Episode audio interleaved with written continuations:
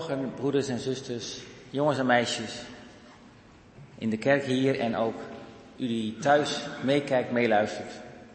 Fijn dat u bent. Namens de kerkraad wil ik u en jullie hartelijk welkom heten in deze eredienst. En ik heb de volgende mededelingen.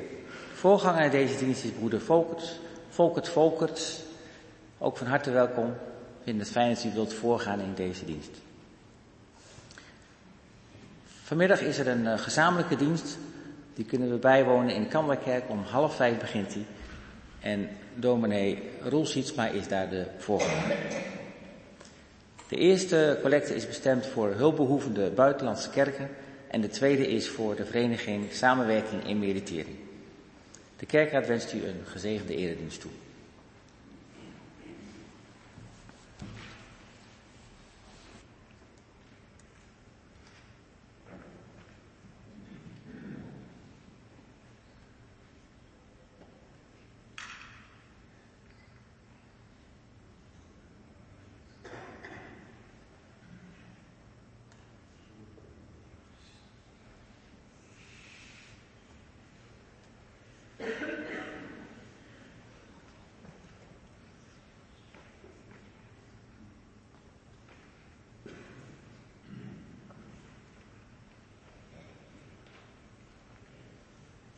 Goedemorgen, gemeente.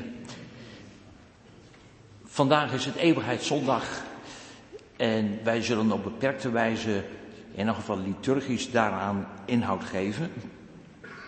We zijn niet gewend om op deze zondag alle namen te noemen van de overledenen, maar ik wil wel stilstaan bij het thema van rouw en gemis. Daar zal de preek over gaan en ook de liederen die zijn daarop afgestemd. Zo ook het eerste lied dat we na foto met groet zingen, Psalm 116, de aangegeven verzen. Zullen we de dienst staande beginnen en ons hart op de Heer richten?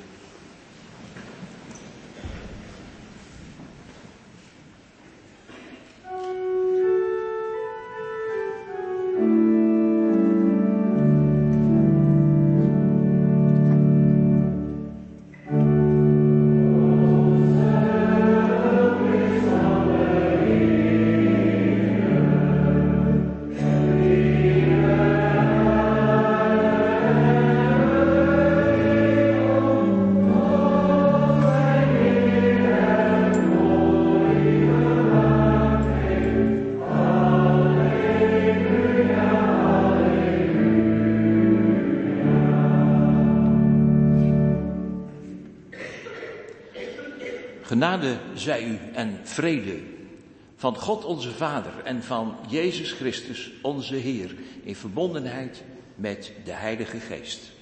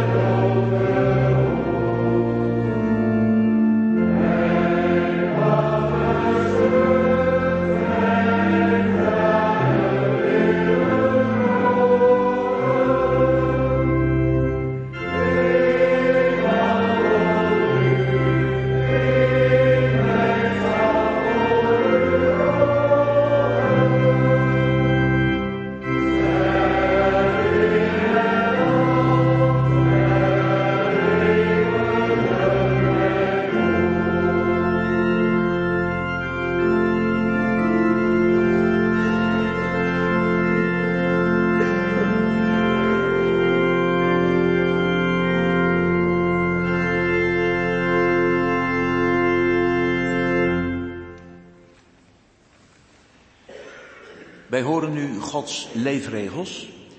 En in verband met het onderwerp van vanmorgen heb ik gekozen voor woorden uit Romeinen 13 en 14.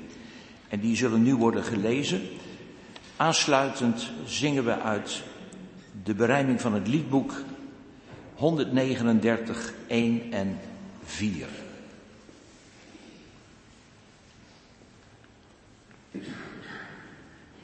Wees elkaar niets schuldig, behalve liefde. Want wie de ander lief heeft, heeft de wet vervuld. Want pleeg geen overspel, pleeg geen moord, stil niet, zet uw zinnen niet op wat van een ander is. Deze en alle andere geboden worden samengevat in deze ene uitspraak. Heb uw naaste lief als uzelf. Liefde berokkent de naaste geen kwaad. Dus de wet vindt zijn vervulling in de liefde. Niemand van ons leeft voor zichzelf. En niemand van ons sterft voor zichzelf. Zolang wij leven, leven we voor de Heer. En wanneer we sterven, sterven we voor de Heer. Dus, of we nu leven of sterven, we zijn van de Heer. Immers, Christus is gestorven en weer tot leven gekomen om te heersen over de doden en de levenden.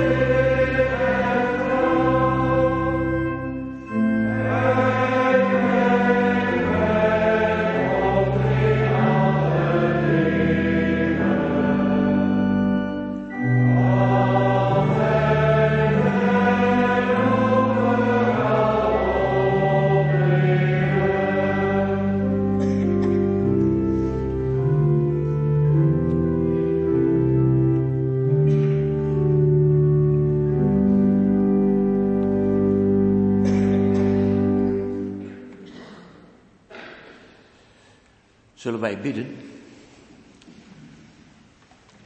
Wij danken u, Heer onze God, dat we hier vanmorgen in de kerk mogen komen om u te ontmoeten, om uw liefde te zoeken en de troost en de kracht die wij allemaal nodig hebben, ieder in eigen situatie.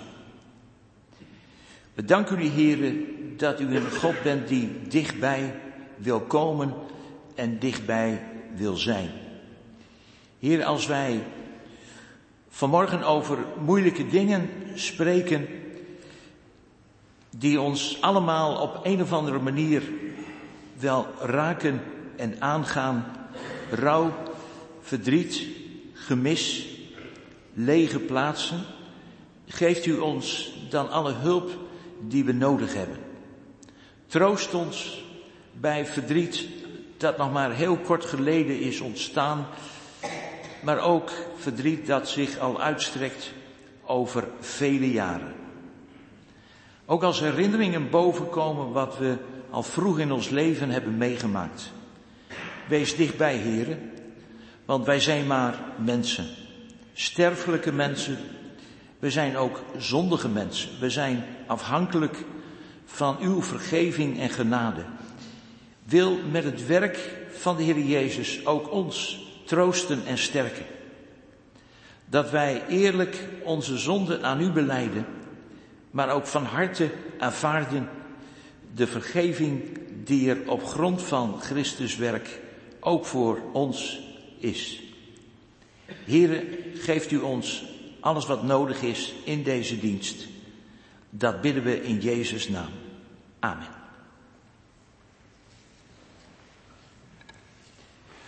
Voordat we de schriftlezing beginnen, is er eerst gelegenheid voor de kinderkring. De kinderen mogen naar de andere vertrekken.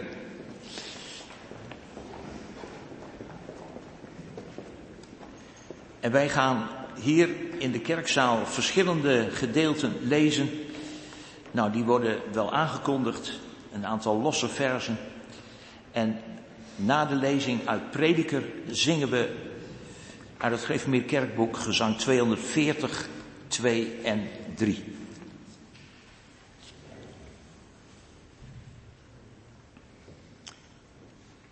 We lezen allereerst uit Genesis, hoofdstuk 35, eerst vers 8. De voedster van Rebecca, Deborah, stierf daar. Ze werd ten zuiden van Bethel begraven, onder een eik die daarom eik van geween werd genoemd. Vers 19. Toen Rachel overleden was, werd ze begraven langs de weg naar Efrat, het tegenwoordige Bethlehem. Op haar graf plaatste Jacob een gedenksteen, die tot op de dag van vandaag de plaats van Rachels graf aangeeft. Gaan we naar vers 28. Isaac leefde 180 jaar. Toen blies hij de laatste adem uit.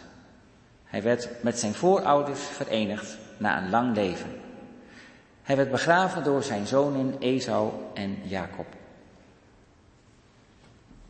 Lezen we verder in 2 Samuel 19, vers 1.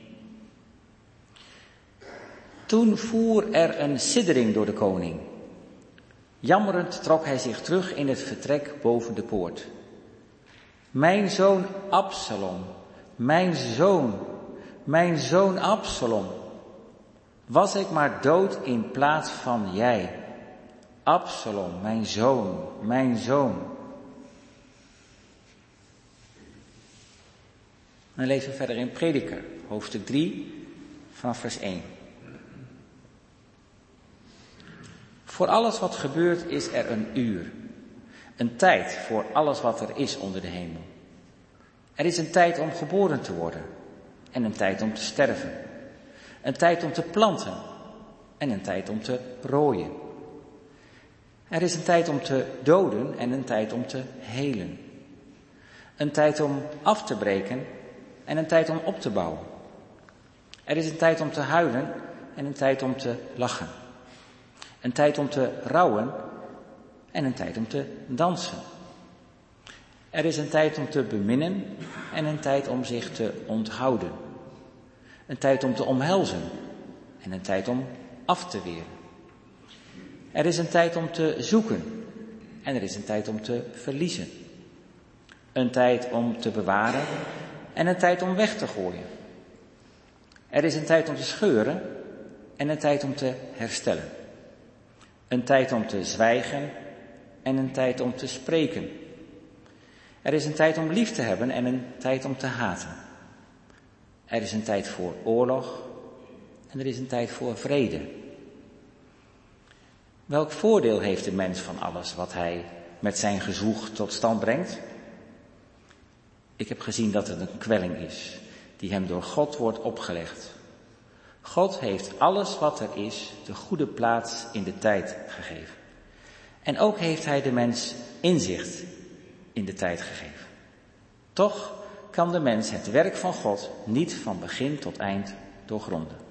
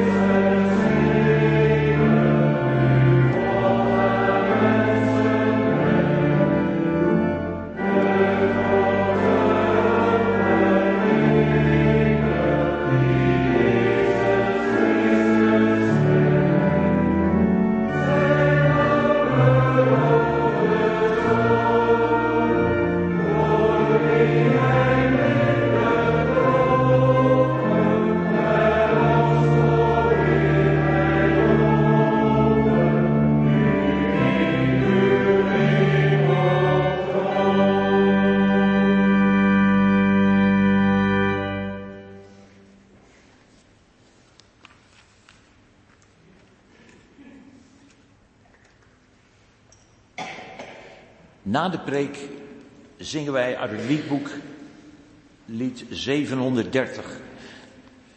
Ik hoorde van de organist dat dat niet zo'n bekende melodie is. Maar hij zal het eerst voorspelen en dan gaat het ons vast lukken.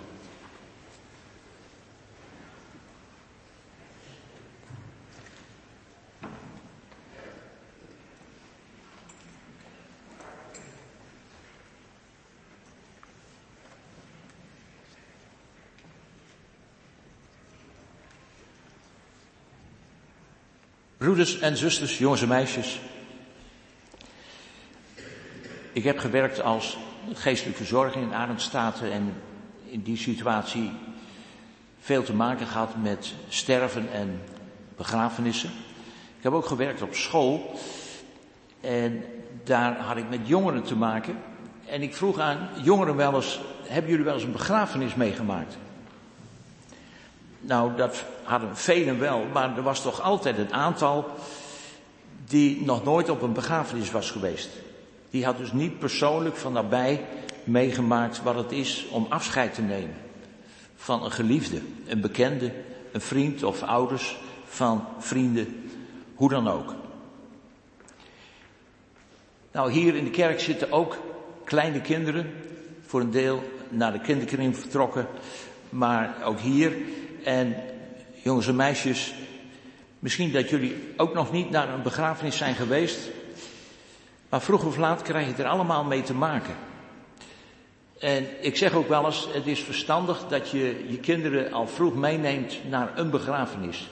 En liefst als er een mogelijkheid is van iemand die je niet zo heel erg goed kent, dan wen je eraan, kom je erachter dat het ook niet zo heel erg eng is Want het wordt natuurlijk pas echt moeilijk als het iemand is die je heel lief en vertrouwd is. Oude mensen moeten sterven en jonge mensen kunnen sterven. Het kan dus ook allebei gebeuren. En we hebben er ook allemaal wel vaak mee te maken gehad. Als een oudere sterft op hoge leeftijd, zeg maar rond een jaar of negentig, dan kun je in veel gevallen wel spreken over een mooie dood. Zeker als je de gelegenheid hebt gehad om afscheid te nemen en je hebt je gezamenlijk kunnen voorbereiden. Misschien leeft zijn vrouw nog, leeft haar man nog, zijn er kinderen, zijn er kleinkinderen. En dan sta je samen rond de plek waar het gaat gebeuren, het sterfbed. Maar als het een goede dood, een mooie dood is geweest, dan is het makkelijker om afscheid te nemen. Dan staat een begrafenis vaak in het teken van dankbaarheid. En dan heet zo'n dienst een dankdienst voor het leven. Er is veel moois om op terug te zien.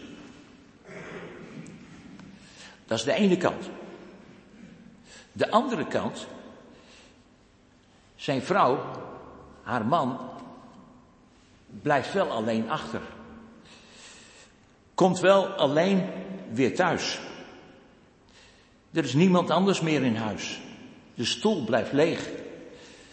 De plaats naast haar, naast hem op bed, blijft altijd leeg. En de kinderen missen hun vader, hun moeder, de kleinkinderen, hun opa, hun oma. Hoe mooi is dat? Dan zie je in één oogopslag de twee kanten die het leven kan hebben. Blijdschap en dankbaarheid aan de ene kant, maar ook pijn, verdriet, gemis. En ik zeg erbij, niet iedereen krijgt een mooie dood. Ouderen en degenen die de zestig voorbij zijn, laat ik het zomaar even aanduiden, die krijgen steeds vaker in hun leven te maken met dood en rouw. Vader, moeder zijn hen voorgegaan in de meeste gevallen. Broers, zussen, vrienden. Logisch, zal iemand zeggen. Dat is de aard en de gang van het leven. Maar dat maakt het nog niet gemakkelijk. Misschien wordt het wel steeds moeilijker. Want bij elk gemis dat je opnieuw krijgt te verwerken, komt ook eerder verdriet weer naar boven. Verdriet stapelt. Ieder mens sterft op zijn eigen manier. Dat is met rouwen ook zo. Als honderd mensen rouwen, dan rouwen ze op honderd verschillende manieren.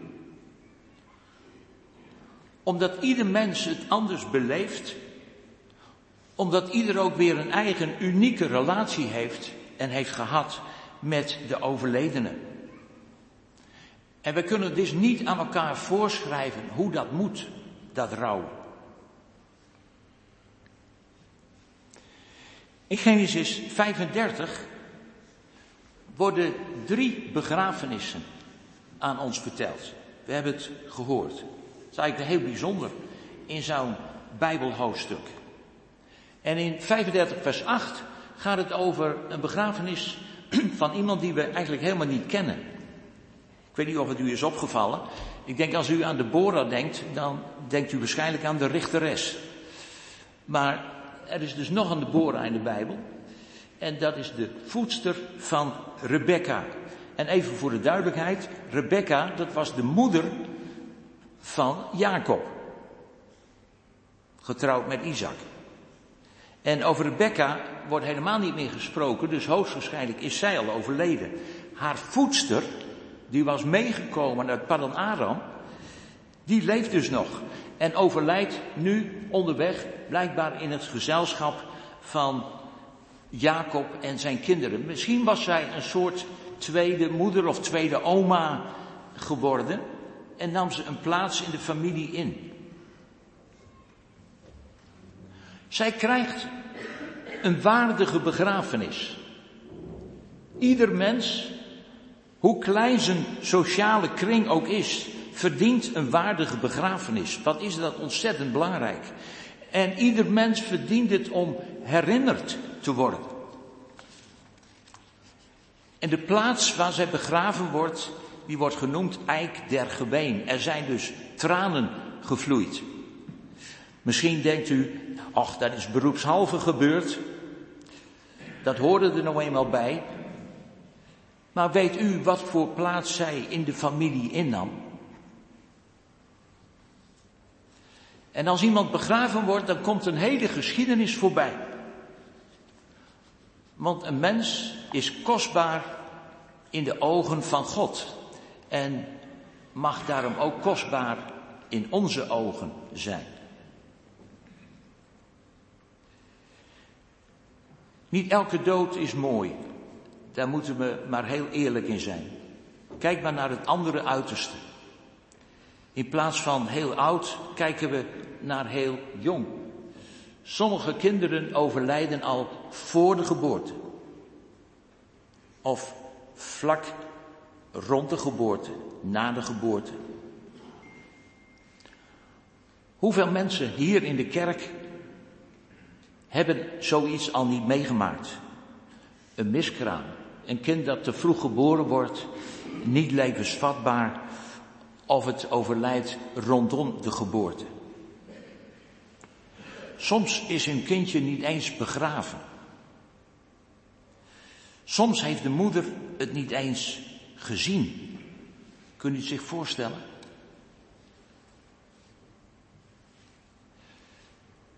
Er wordt er nog over gepraat. Het is voor heel wat vrouwen en mannen een levenslange pijn geweest die altijd ergens blijft schrijnen. En als het zo lang geleden is, ach, dan praat je er toch niet meer over. Bovendien, het, het was soms te moeilijk om het te benoemen. Het gebeurt nog altijd bij familiegesprekken voorafgaand aan een begrafenis dat verteld wordt dat er een eerder kindje is geweest. En een broer of zus wist het niet eens. Maar ook deze kleine kindertjes waren en zijn een wonder van God. En ook daarover zingt Psalm 139. De dagen van die kinderen waren in Gods boek beschreven, toen nog geen ervan bestond. Hun namen staan in Gods boek. En zij mogen zonder strijd en zonder pijn in één keer Gods koninkrijk binnengaan. Gedenk uw voorgangers, ook de allerkleinste. Een kind moeten missen, ook als het kind wat ouder is geworden, zeg maar basisschoolleeftijd of volwassen. Een kind moeten missen, dat is een van de ergste dingen die je kunt meemaken. Luister maar naar de hartverscheurende klacht van koning David. Absalom, Absalom, mijn zoon, mijn zoon. Misschien zijn ook hier in de gemeente velen die daarover kunnen meepraten. Of het is je broer geweest, je zus, groter of kleiner.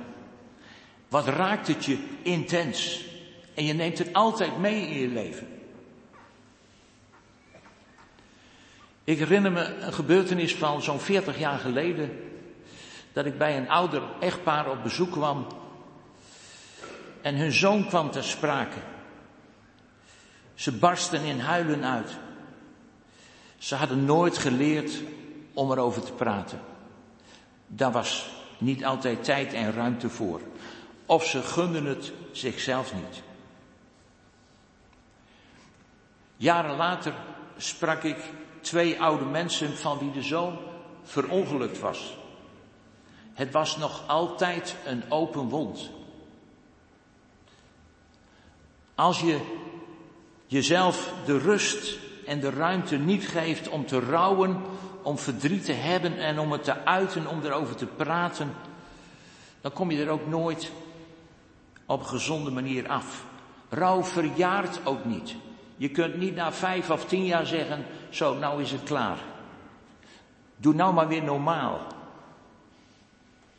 En die pijn die er kan zijn, die werkt door in het hele gezin, ouders en kinderen. Een wond kan wel dichtgaan, maar die kan ook zomaar weer openspringen. En wat kun je dan doen? Je hoeft niets te doen. Als je er maar bent. Als je maar niet letterlijk of figuurlijk de andere kant op kijkt. Je kunt het zo moeilijk vinden, en wie zal zeggen dat het niet moeilijk is. Je kunt het zo moeilijk vinden dat je zegt, nou ik ga er maar niet heen.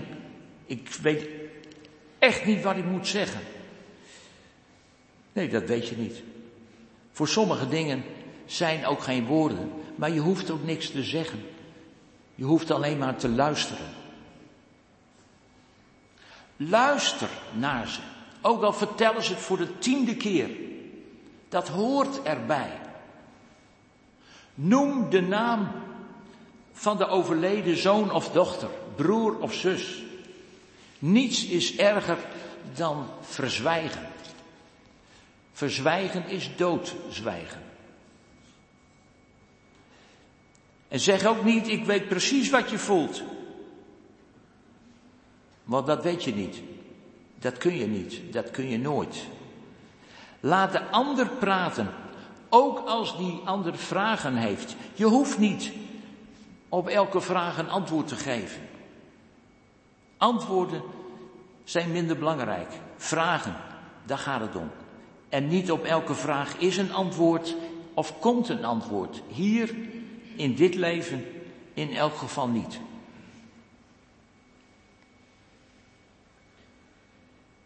In Genesis 35, daar wordt ook gesproken over het sterven van Rachel. En Rachel overlijdt bij de geboorte van haar tweede kind. En die kreeg van haar een bijzondere naam. Die kent u niet. Ongelukskind.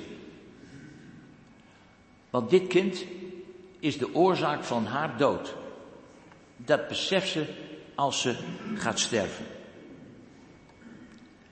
Gelukkig had haar vader de tegenwoordigheid van geest om te zeggen: nee, zo mag mijn pasgeboren kind niet door het leven gaan. Ongelukskind. Moedermoordenaar. Hij veranderde de naam in gelukskind. Benjamin. En zo is het geworden.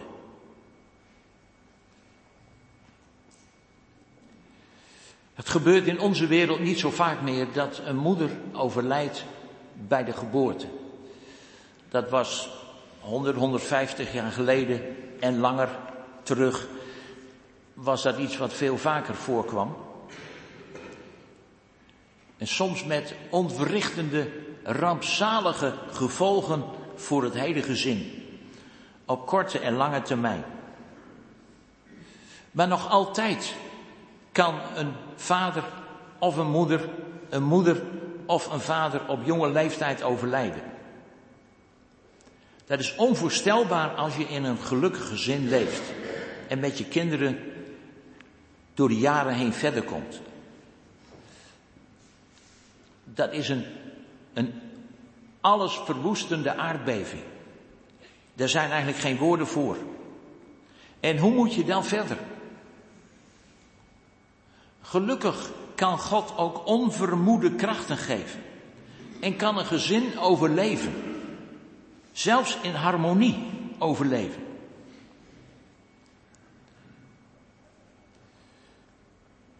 Als een moeder overlijdt en een vader heeft zijn werk, en omgekeerd is het eigenlijk ook zo, een moeder heeft in onze tijd ook de verplichting om te werken, Hoe moet je dan verder? Men kiest dan ook nog wel eens om praktische reden om te gaan hertrouwen. En daar kun je alle begrip voor hebben. Maar een man of vrouw is natuurlijk niet zo gemakkelijk te vervangen. En een moeder is helemaal niet te vervangen. Zeg als vader die achterblijft ook nooit tegen je kinderen, nou moet je mama zeggen. Of omgekeerd, nou moet je papa zeggen. Die nieuwe man of vrouw is niet mama of papa. Dat is een ander. Je kunt in een huwelijk een andere partner krijgen, maar kinderen kunnen niet een andere ouder krijgen. Dat neemt niet weg dat ook in een tweede huwelijk er heel veel liefde door de tweede partner kan worden gegeven. En dan kan het gebeuren dat kinderen ook papa en mama gaan zeggen, maar dan is het hun eigen keus. Geef elkaar de ruimte en de tijd.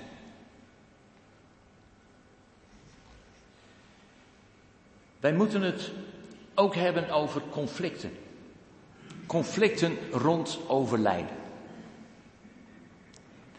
Ik zeg meteen maar, dat maakt rouw heel gecompliceerd. Er wordt wel eens gesproken over wit verdriet en zwart verdriet. Wit verdriet is als je eigenlijk geen nare en heftige dingen hebt meegemaakt met je geliefde. Alles was in harmonie. Maar als er veel boosheid is en er is heel veel misgegaan in het leven, er zijn conflicten die soms niet zijn opgelost, dan is dat zwart verdriet. En ik zeg meteen maar, dat maakt rouw heel gecompliceerd. Jacob en Esau, die konden ruzie maken, zelfs op leven en dood. Jacob moest voor zijn leven vluchten naar Padanara. Maar ze moeten op een gegeven moment wel samen hun vader begraven. En gelukkig is er voor die tijd een ontmoeting en in zekere zin ook een verzoening gekomen. Al zullen het wel nooit dikke vrienden zijn geworden. Hoe vaak gebeurt het niet dat bij een begrafenis één of meer gezinsleden, familieleden ontbreken,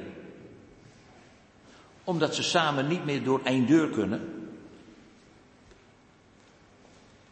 En als er dan iemand sterft, dan is dat onherroepelijk. Dan kun je het niet meer goed maken. Dan moet je de rest van je leven daarmee verder. En ook dat hoor je in die klacht van David. Absalom, mijn zoon, mijn zoon, nou ben ik je altijd kwijt. Nou komt het nooit meer goed tussen ons. Rauw verdriet is dat. Ruwe rouw. En hoe moet dat? Nou, voor gewone rouw is al geen draaiboek, laat staan hiervoor. Ik ga een stapje verder. Broeders en zusters, er zijn mensen die dagelijks met zo'n werkelijkheid moeten leven. Die altijd, zeg maar, op voet van oorlog met hun ouders hebben geleefd omdat er sprake was van mishandeling, van misbruik, van totaal gebrek aan liefde. Een gezin waar het niet veilig is tussen ouders en kinderen, tussen broers en zussen. Als dan iemand overlijdt, dan kun je vaak niet eens huilen. Je kunt hooguit huilen om de vader en moeder die je nooit hebt gehad. Om de broer of zus die je graag had willen hebben, maar het is niet zo geweest. In feite is dat een leven lang leven met rouw. Leven met een gemis. dan is het meer overleven. Althans, proberen om dat te doen. Wij moeten in heel veel dingen in dit leven omgaan met de werkelijkheid dat niet alles goed komt. Dat niet alles zo wordt geleid dat er recht wordt gedaan. Maar weet dat God alles weet, Psalm 139, dat Hij rechtvaardig is en barmhartig is en recht doet op Zijn tijd en op Zijn wijze. Dat je bij Hem mag schuilen en veilig bent. En wat krijg je dan krachten? Ik heb mensen meegemaakt, ik ken situaties dat ze onvoorstelbaar loyaal zijn. Zelfs als de ander daar totaal geen recht meer op heeft. Dan laat je iets van de liefde van God zien. Een liefde die sterker is dan haat of wraak. Liefde is sterker dan de dood. Ik wil hiermee niet iets goed praten. En ik zeg ook niet dat je over je heen moet laten lopen. Maar wat er ook gebeurt, weet dat niets en niemand je kan scheiden van de liefde van God, die Hij heeft bewezen in Jezus Christus. Ik hoop dat wij ook als gemeente ons oefenen in het oog hebben voor elkaar. In het luisteren naar elkaar. Dat we elkaar laten merken dat we elkaar blijven zien, ook in uitzichtsloze omstandigheden.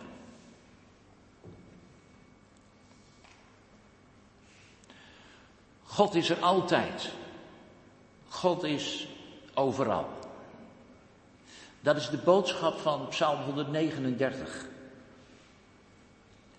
Je kunt niet bij mij vandaan vluchten, zegt God als het ware. En mensen denken dan wel eens aan het boze oog. Het oog dat je altijd volgt en achtervolgt, waardoor je in een soort angst voor God door het leven zou moeten gaan. Maar dat is niet de boodschap van Psalm 139. Het is juist omgekeerd. God is er altijd en hij wil er overal zijn. Je hoeft niet bij mij vandaan te vluchten. Zelfs niet als de werkelijkheid het tegenovergestelde laat zien. Dat je bang bent voor het leven zelf. Zoals wanneer iemand een eind aan zijn leven maakt. En je moet als familie daarmee verder. Misschien is je geliefde naar God gevlucht. We weten het niet.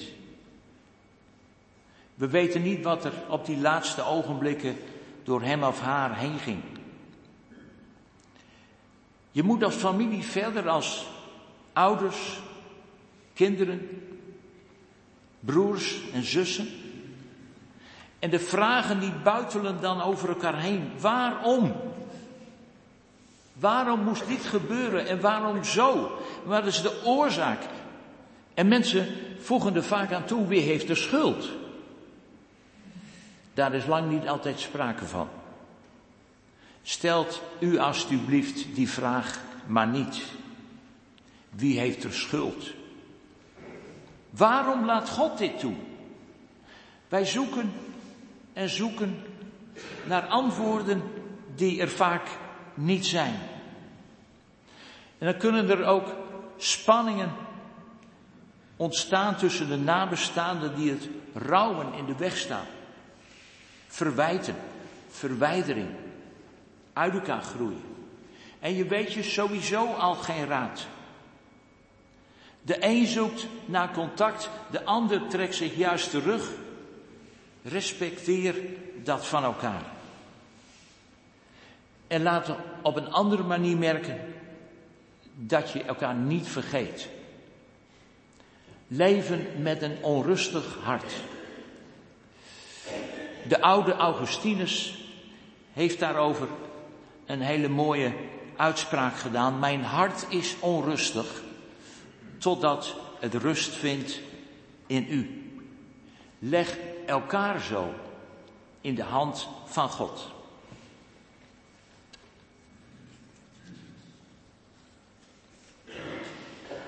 Ik wil in het laatste deel van de preek nog iets zeggen over dementie.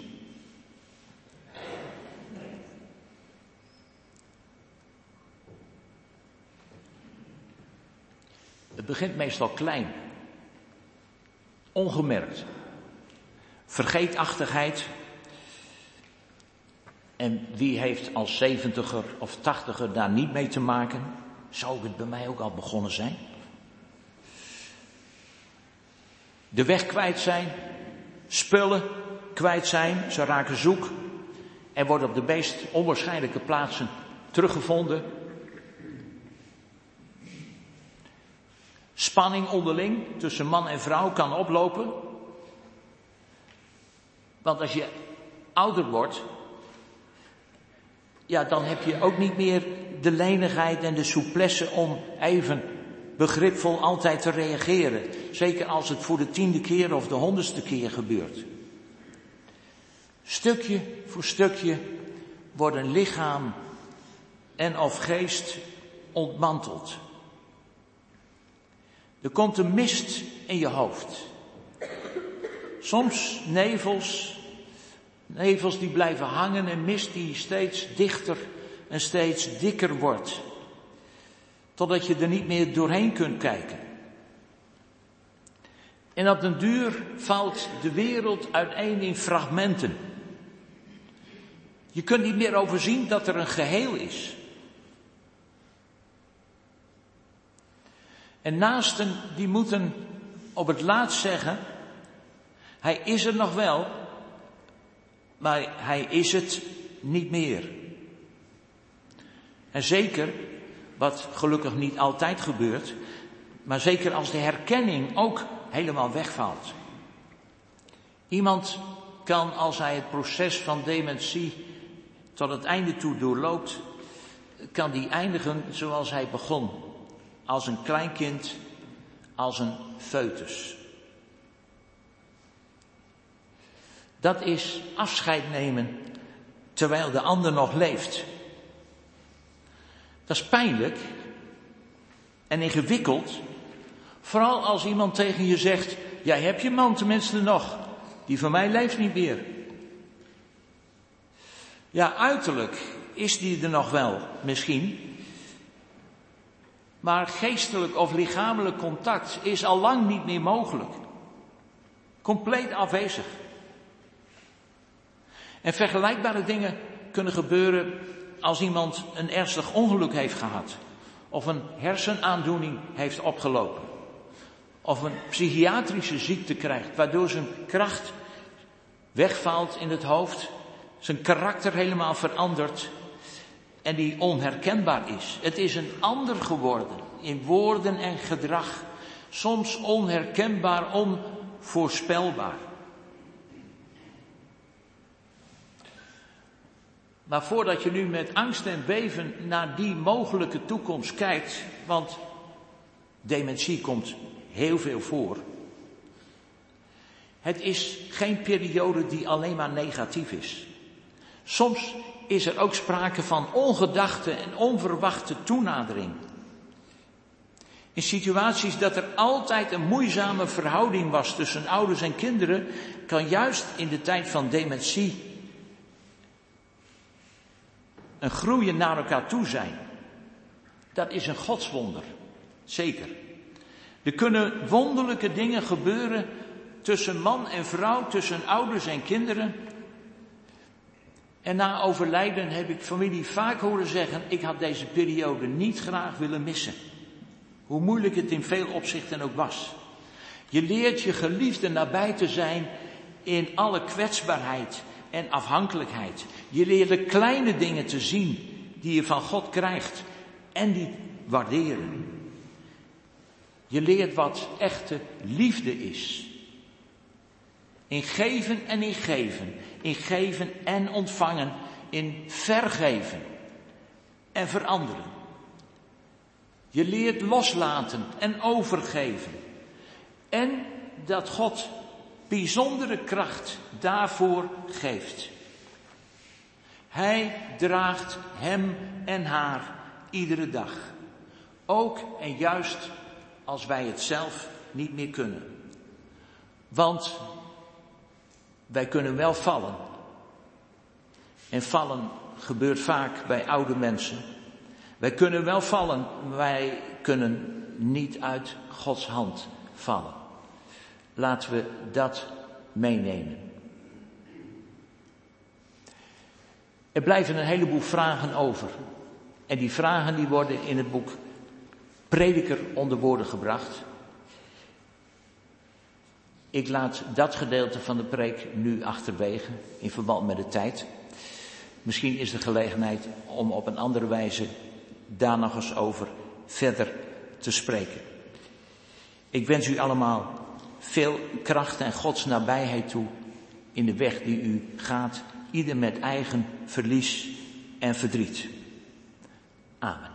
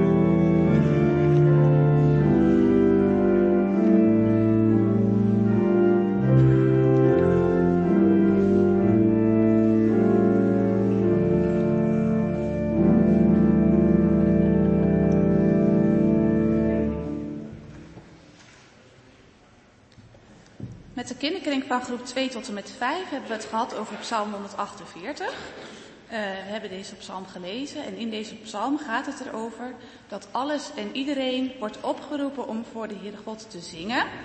Uh, dus uh, de hemel en de aarde, de zon, de maan, de sterren en alle mensen van alle volken en alle dieren die vliegen en alle dieren die in de zee leven. Alles en iedereen moet zingen voor God. Uh, en waarom? Omdat God alles gemaakt heeft en omdat God alle macht heeft op de hemel en op de aarde. Uh, we hebben zelf ook een lied gezongen, uh, Maak een vrolijk geluid voor de Heer.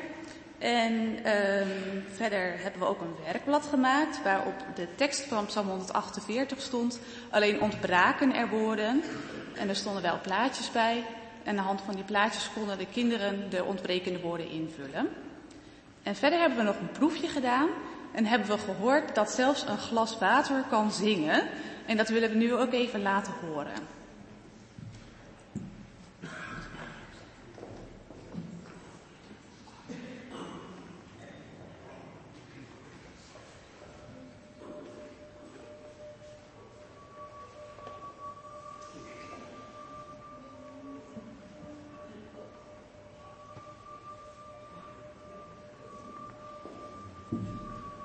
Hopelijk is het voor jullie ook te horen.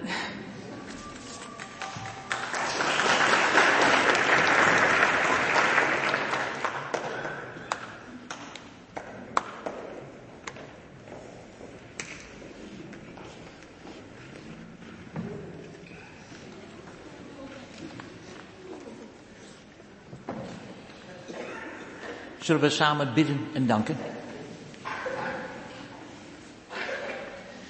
Vader in de hemel, we danken u dat we in deze kerkdienst ook moeilijke en zwaarwegende onderwerpen naar voren konden laten komen. Dingen die ons leven vaak in diepgaande zin ook raken. Leer ons op een goede en een gezonde manier met rouw en gemis om te gaan. Maar leer ons ook de hoop vast te houden waarin wij als kinderen van u mogen leven.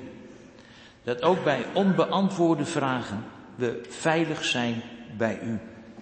En dat ook bij gebrokenheid en verscheurdheid van het leven we toch verder kunnen in uw kracht.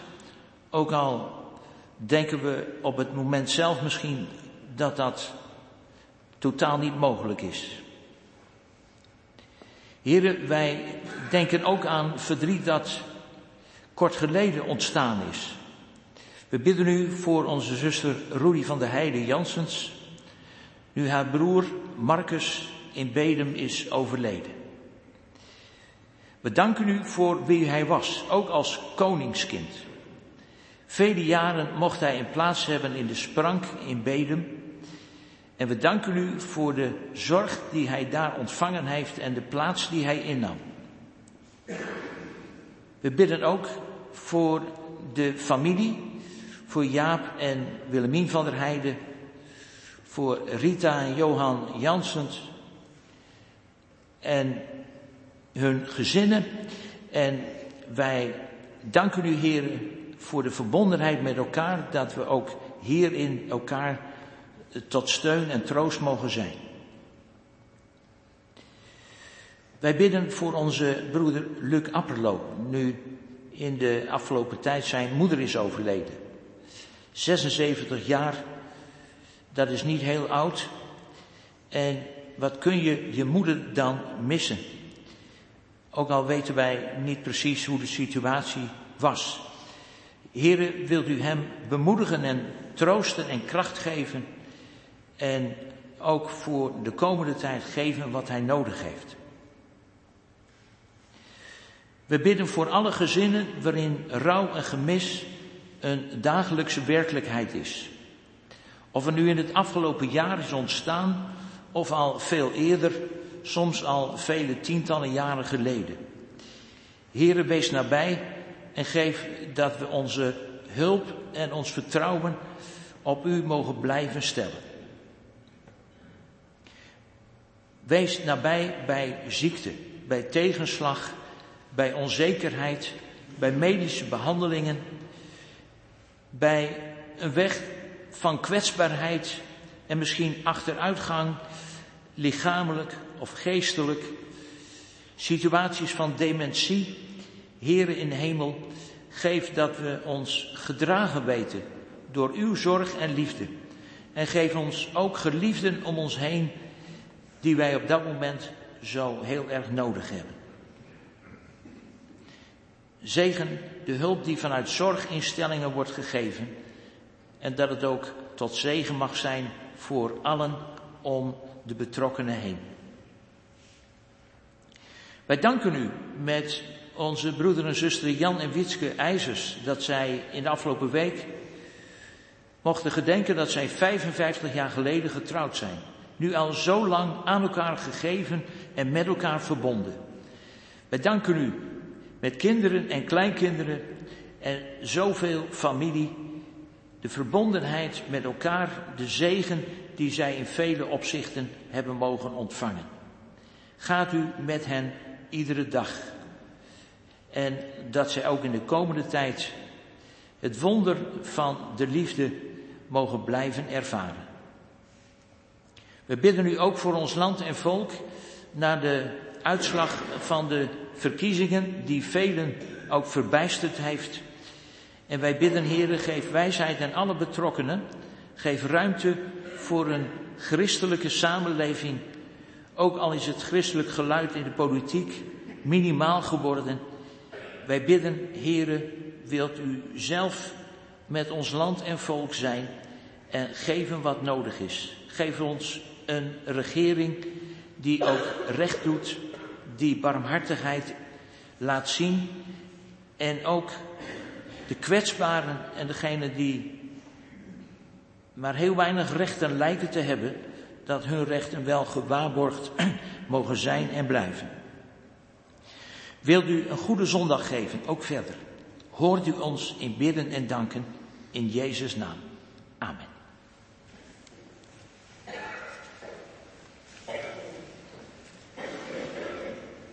Dus gelegenheid voor de collecte hier en bij de uitgang.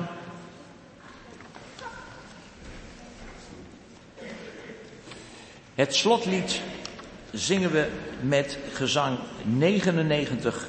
U zij de glorie, opgestane Heer.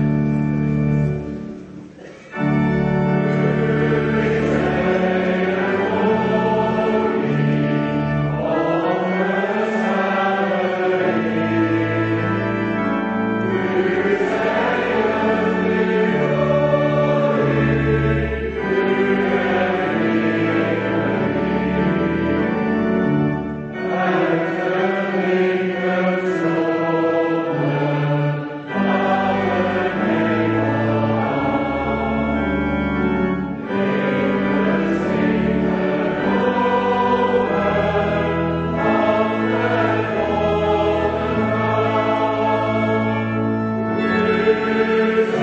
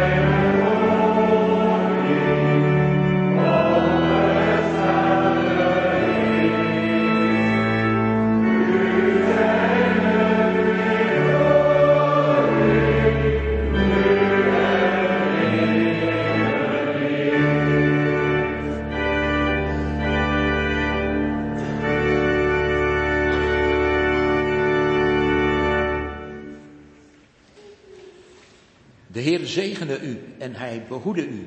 De Heer doe zijn aangezicht over u lichten en zij u genadig. De Heer verheffen zijn aangezicht over u en geven u vrede.